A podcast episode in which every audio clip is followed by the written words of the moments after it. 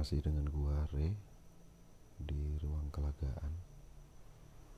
Di sini aku akan banyak bercerita tentang ceritaku, ceritanya, cerita mereka. Mungkin ada sisi blur grey. Apakah ini ceritaku, ceritanya, atau cerita mereka?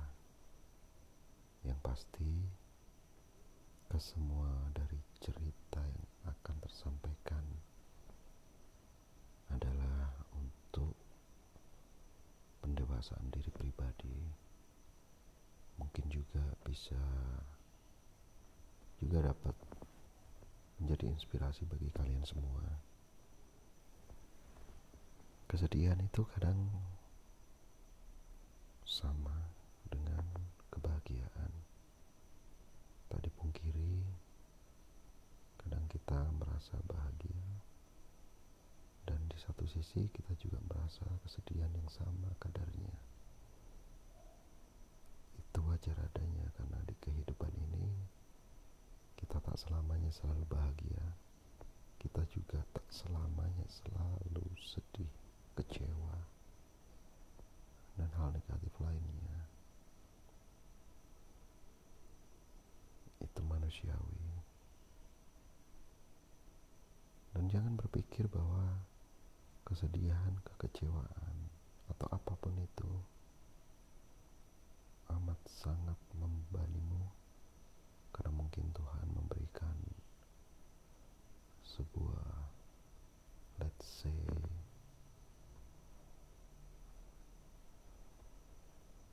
apa ya namanya ya? Bisa dibilang sebuah ujian ujian di kehidupanmu mungkin kamu mendapatkan ujian semasa kamu kanak-kanak remaja ataupun dewasa itu hanya untuk menjadikanmu lebih strong, lebih mandiri, lebih dewasa untuk menyikapinya. Seperti halnya aku, semasa kanak-kanak pun, aku diberi sebuah, uh, let's say beberapa buah ujian yang amat sangat membuat aku down karena keadaan itu dengan umur sekecil itu aku dipaksa mendewasakan cara berpikirku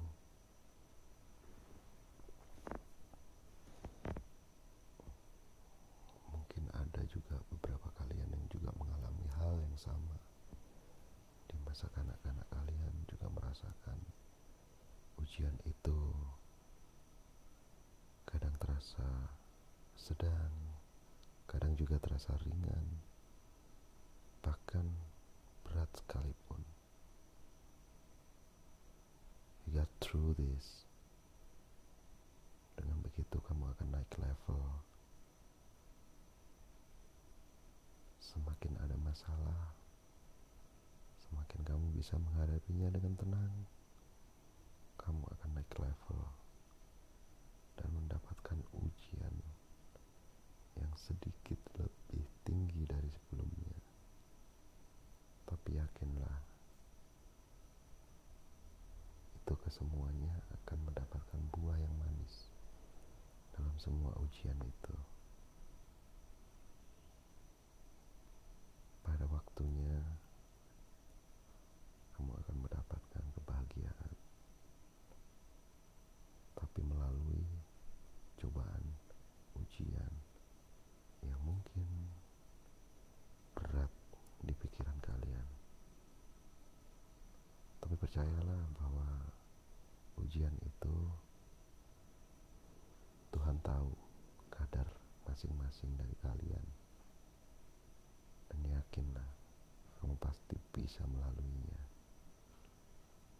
Karena aku pun pernah merasakan hal yang seperti now I can take it this painful this sorrow is hurting me worse you know that? Tapi aku berpikir juga now Tuhan nggak mungkin ngasih sebuah cobaan itu tanpa kita nggak bisa melaluinya. Kadang diri kita memblocking bahwa ujian ini terlalu berat blocking itu pada intinya ada di pikiran kita yang sebenarnya itu bukan pure dari apa yang ada di memori otak kecil kita itu hanya ketakutan-ketakutan yang semu bahwa kita nggak akan bisa melaluinya padahal kita mampu karena belum mencoba.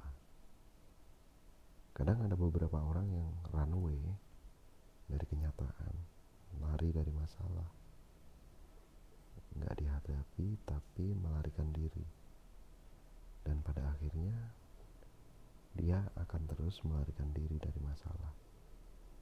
Dia nggak akan berani untuk menghadapi masalah itu, cenderung selalu melarikan diri.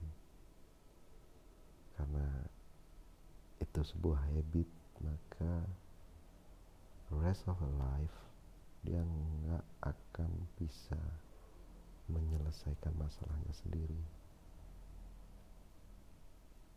Dan psikologinya dia akan terus seperti itu dan meminta orang untuk selalu menyelesaikan masalahnya. Apa pun masalah yang dia hadapi dia akan selalu mencari orang lain untuk menyelesaikan masalah dia sendiri. Dan dia nggak akan bisa dewasa dalam cara berpikir. Dia akan selalu ditakuti rasa bersalah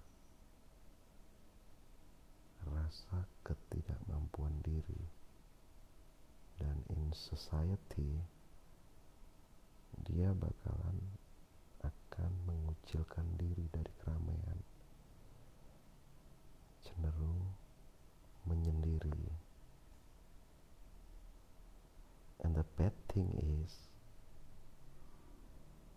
dia bakalan menyalahkan dunia, menyalahkan apa pun, karena semua dari pikiran dia sendiri. Dia nggak akan mampu untuk bisa menjadi dewasa.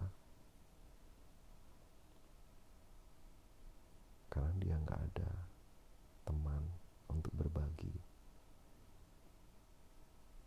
Cenderung dia tanya jawab dengan dirinya sendiri,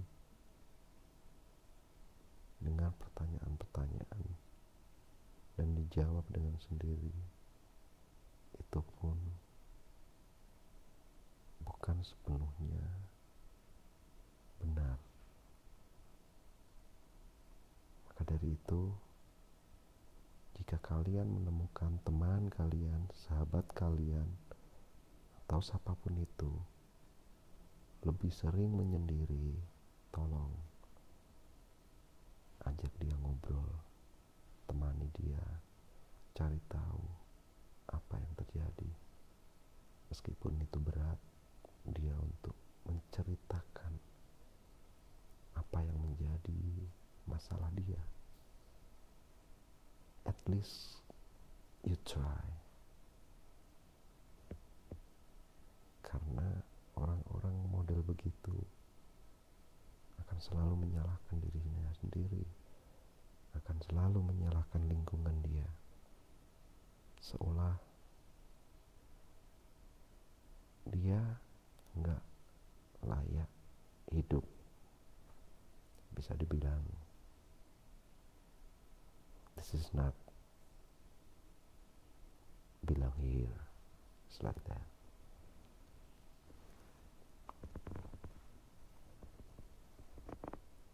Aku dulu pernah punya seorang sahabat, teman, bisa dibilang anak buah, teman dekat, pacar, kekasih, whatever. Ya sosok yang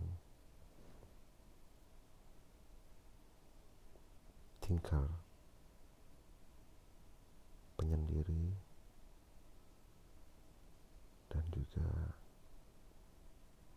pekerja keras. Salah satu yang aku salutin dia menyelesaikan masalah tanpa campur tangan orang lain. Dia berusaha menyelesaikan sendiri apa pun masalah dia. Walaupun sebenarnya dia harus bercerita sama saudaranya, orang tuanya, atau ataupun sahabatnya. At least ada pendapat lain gimana cara pemecahannya. Dia nggak percaya siapa pun. Dia hanya percaya dirinya sendiri dan imajinasinya. Akhirnya aku datang di kehidupannya dan dia believe in me. Karena itu tadi aku lihat dia aku berusaha masuk untuk cari tahu dan menolong dia agar bisa terbuka.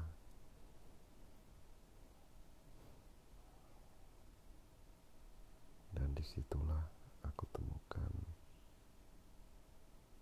berbagai macam masalah pelik yang dia hadapin sendiri. Setelah ada aku di situ, dia mulai bercerita dan bersama-sama kita selesaikan masalah satu persatu. Beberapa kali dia bilang mau suicide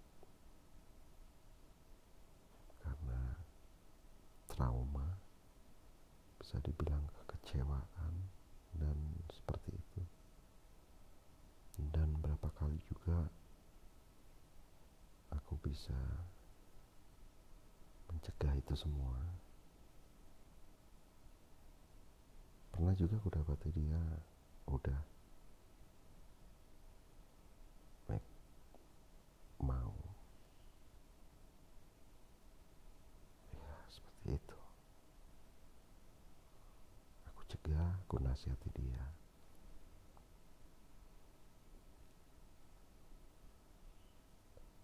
Don't ever do that. Tapi dengan smooth. Kita nggak bisa langsung berkata keras. Kamu jangan bunuh diri. Kamu jangan suicide. Itu hal yang tolong itu melanggar norma agama seperti itu. Nah it's a worse. Itu malah bikin tambah parah. Jadi kita harus masuk dalam ketenangan.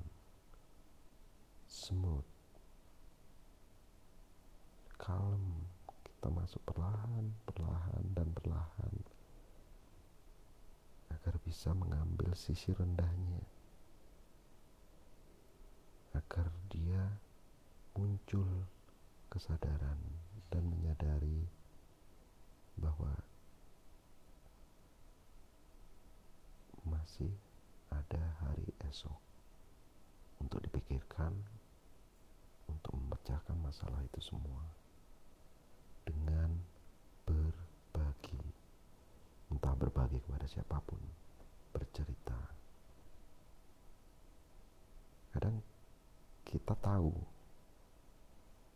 Orang yang menyendiri, teman kita yang menyendiri, tapi seolah kita ignore dengan keadaan sekitar. Kita tutup mata, kita tak menyadari. Kita lebih asik dengan dunia kita. Kita tidak memandang sekeliling bahwa ada teman, sahabat atau siapa pun itu yang membutuhkan bantuan kita tanpa kita sadari. Hanya dengan komunikasi. Karena seorang tipikal penyendiri nggak bakalan betah di keramaian. Dia akan selalu menyendiri. Terlebih di kamar. Ditambah dengan musik yang mendayu-dayu seolah memperkuat permasalahan dia. Perlahan kita coba komunikasi, bertanya apa yang bisa aku bantu.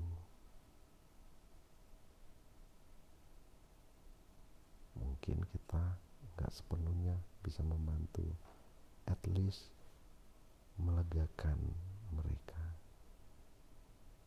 Karena apa pun masalahnya kalau dibicarakan itu akan mendapatkan sebuah kelegaan.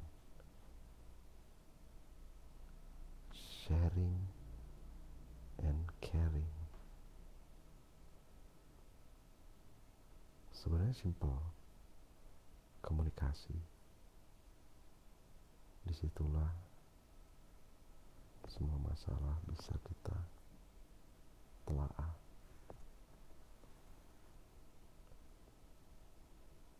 Dan nggak semua masalah yang kita hadapi itu berat. Kita harus memandang ke bawah kembali bahwa masih ada orang lain yang mendapatkan masalah lebih parah dari masalah yang kita hadapi hari ini.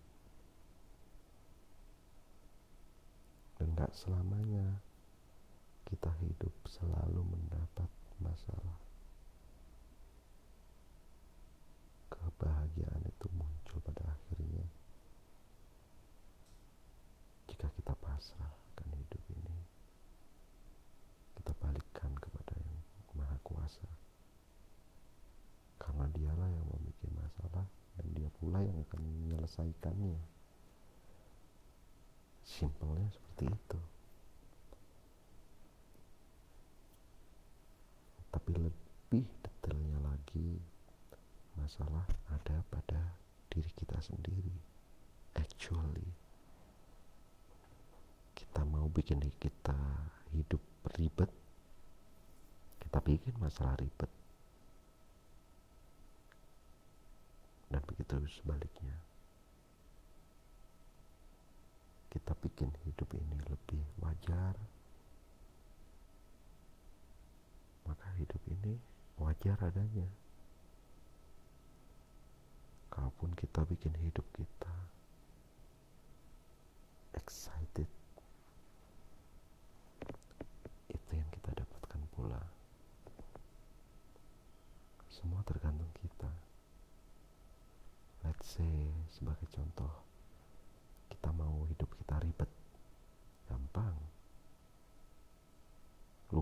aja ke bank.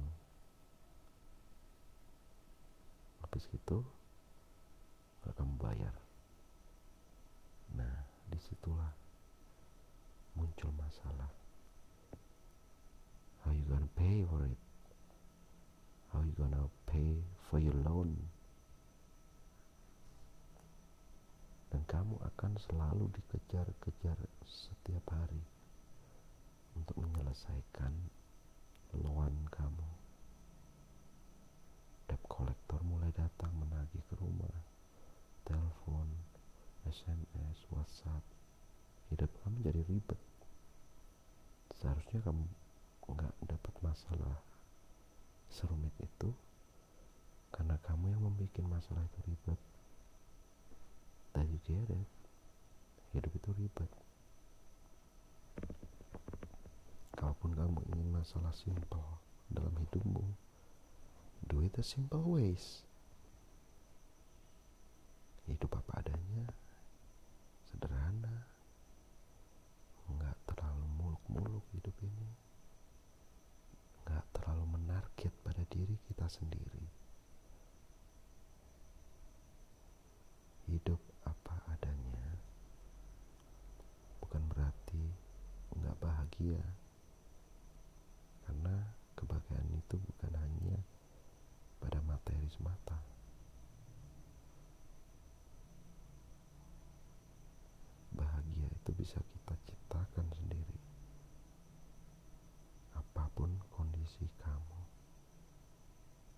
sebenarnya kalaupun kamu banyak uang kamu kaya raya itu cobaannya lebih besar daripada orang yang gak punya apa-apa. Hidup dalam kesederhanaan. Karena apa? Orang yang hidup sederhana orang yang biasa itu akan lebih banyak bersyukur, bersujud, berterima kasih, dan gak ada satu keinginan yang muluk-muluk dalam dirinya. Setiap hari bisa makan, minum, itu sudah cukup bagi mereka.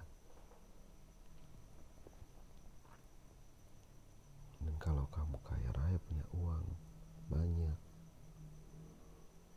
kamu jarang lupa untuk bersujud berterima kasih. Dan muncullah berbagai masalah.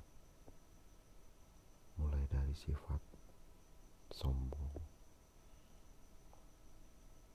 lupa berbagi kepada sesama seolah-olah ini jerih kepayah kamu sendiri. Ngapain kamu harus ngasih ke mereka yang membutuhkan enak aja dia minta-minta kita yang kerja seharian.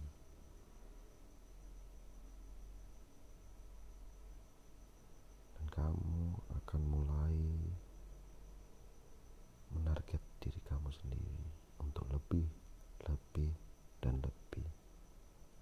Seolah-olah ingin memakan seluruh isi dunia ini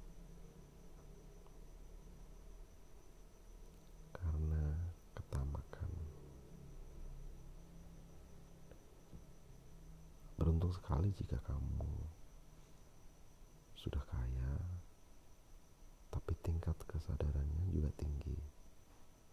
Kamu akan pasti sujud bersyukur dan berterima kasih atas apa yang kamu miliki saat ini. Seperti halnya pepatah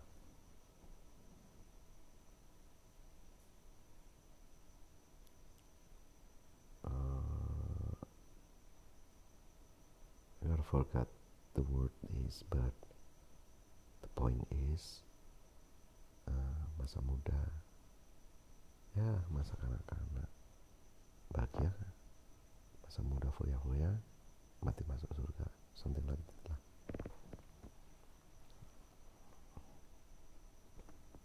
Mungkin kalian tahu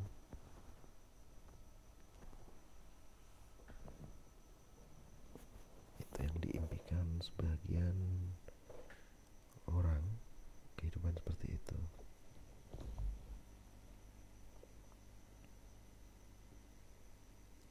dan cuman beberapa persen aja yang hidup seperti itu raya masuk surga sedikit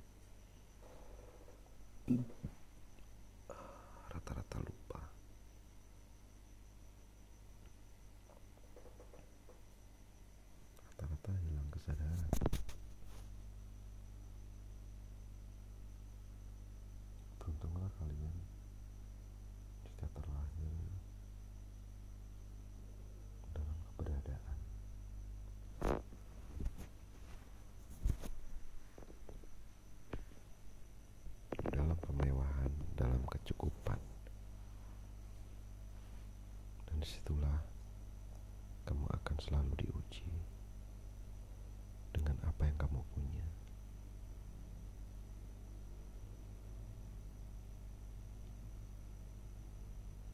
Dan mungkin ini adalah podcast pertamaku yang gak seberapa berbobot tapi let's say